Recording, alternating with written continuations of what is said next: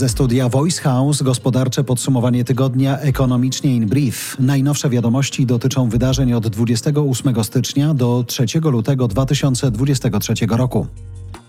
Premier Morawiecki wyszedł w tym tygodniu na kompletnego barna za sprawą danych Eurostatu o inflacji w styczniu w strefie euro. Okazało się, że inflacja w Chorwacji w tym miesiącu nie wzrosła o kilkadziesiąt procent, jak grzmiał premier, tylko spadła z 12,7% do 12,5%. Natomiast w stosunku do grudnia poziom cen podniósł się tam zaledwie o 0,2%. Według niektórych ekonomistów w Polsce poziom cen w styczniu podniósł się o jakieś 2%, czyli 10 razy bardziej.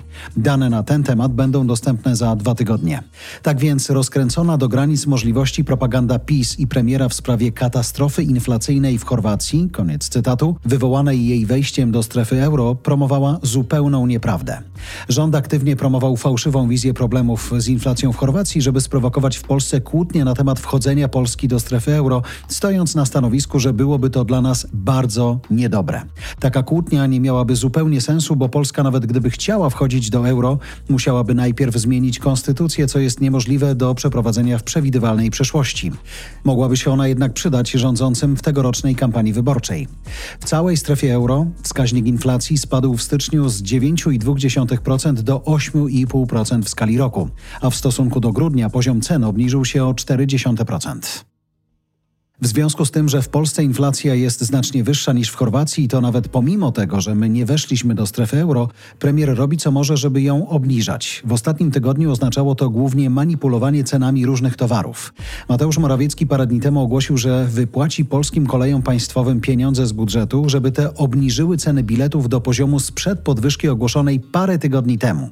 W czwartek zaś ogłoszono tarczę drożdżówkową, czyli wprowadzenie limitu ceny na gaz sprzedawany piekarniom i cukierniom.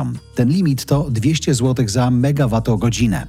Ministerstwo Rozwoju w swoim komunikacie pisze, że pomoc ma objąć około 2700 przedsiębiorców i ma kosztować około 300 milionów złotych do końca roku.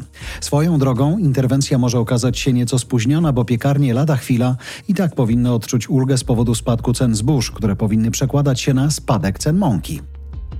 Rząd swoją przemożną chęć majstrowania przy czym tylko się da, dzielnie realizuje także przy okazji wakacji kredytowych. To, czy rząd przedłuży wakacje kredytowe na 2024 rok, czy nie, będzie zależało od poziomu inflacji w połowie roku, powiedział w tym tygodniu wiceminister finansów Artur Soboń. Zapytany w RMFFM, czy gdyby inflacja w lipcu, sierpniu wyniosła 12-13%, wakacje kredytowe zostaną przedłużone, wiceminister odpowiedział: 12-13% nie jest idealną normalnością, więc z całą pewnością jakieś decyzje wtedy trzeba będzie podjąć. Dodatkowo pomysł wakacji kredytowych spodobał się także ministrowi rolnictwa Henrykowi Kowalczykowi, który napisał w biuletynie ministerstwa, że chciałby, żeby takie wakacje objęły kredyty dla rolników związane z prowadzoną przez nich działalnością gospodarczą, żeby poprawić opłacalność produkcji rolnej. W tej chwili wakacje kredytowe obejmują tylko kredyty hipoteczne udzielone w złotych, także te zaciągnięte przez przykład milionerów. Pomysł ich przedłużenia na kolejny rok nie podoba się NBP. Dyrektor Departamentu Stabilności Finansowej NBP powiedział, powiedziała obserwatorowi finansowemu, że ewentualna pomoc powinna być szyta na miarę i kierowana tylko do osób potrzebujących. W przeciwnym razie dochodzi do sytuacji, gdy korzyści, jakie czerpią z programu najzamożniejsi, są finansowane bezpośrednio przez banki, a pośrednio przez wszystkich klientów banków, także tych mniej zamożnych. To nie jest racjonalne ani społecznie, ani ekonomicznie, mówi przedstawicielka NBP. Tym tygodniu mieliśmy także podwyżki stóp procentowych o 25 punktów bazowych w Stanach i o 50 punktów bazowych w strefie euro. W obu przypadkach kierownictwo banków zapowiada kolejne podwyżki i próbuje brzmieć surowo, deklarując zażartą walkę z inflacją. Z drugiej strony rynki finansowe niespecjalnie w to wierzą i zakładają, że po obu stronach Atlantyku podwyżki mogą się wkrótce zakończyć, w tym, że w USA jednak stanie się to szybciej, może nawet już w marcu. Decyzje takie może ułatwić po pierwsze to, że inflacja już dość wyraźnie spada, a po drugie to, że kolejne podwyżki mogą zbyt mocno ostudzić gospodarkę i wprowadzić ją w stan recesji.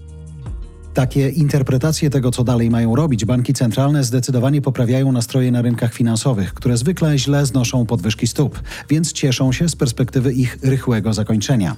Specyficznie wyróżnia się tu rynek Nasdaq, grupujący spółki technologiczne, który wpadł w euforię. W czwartek jego indeks urósł o ponad 3%.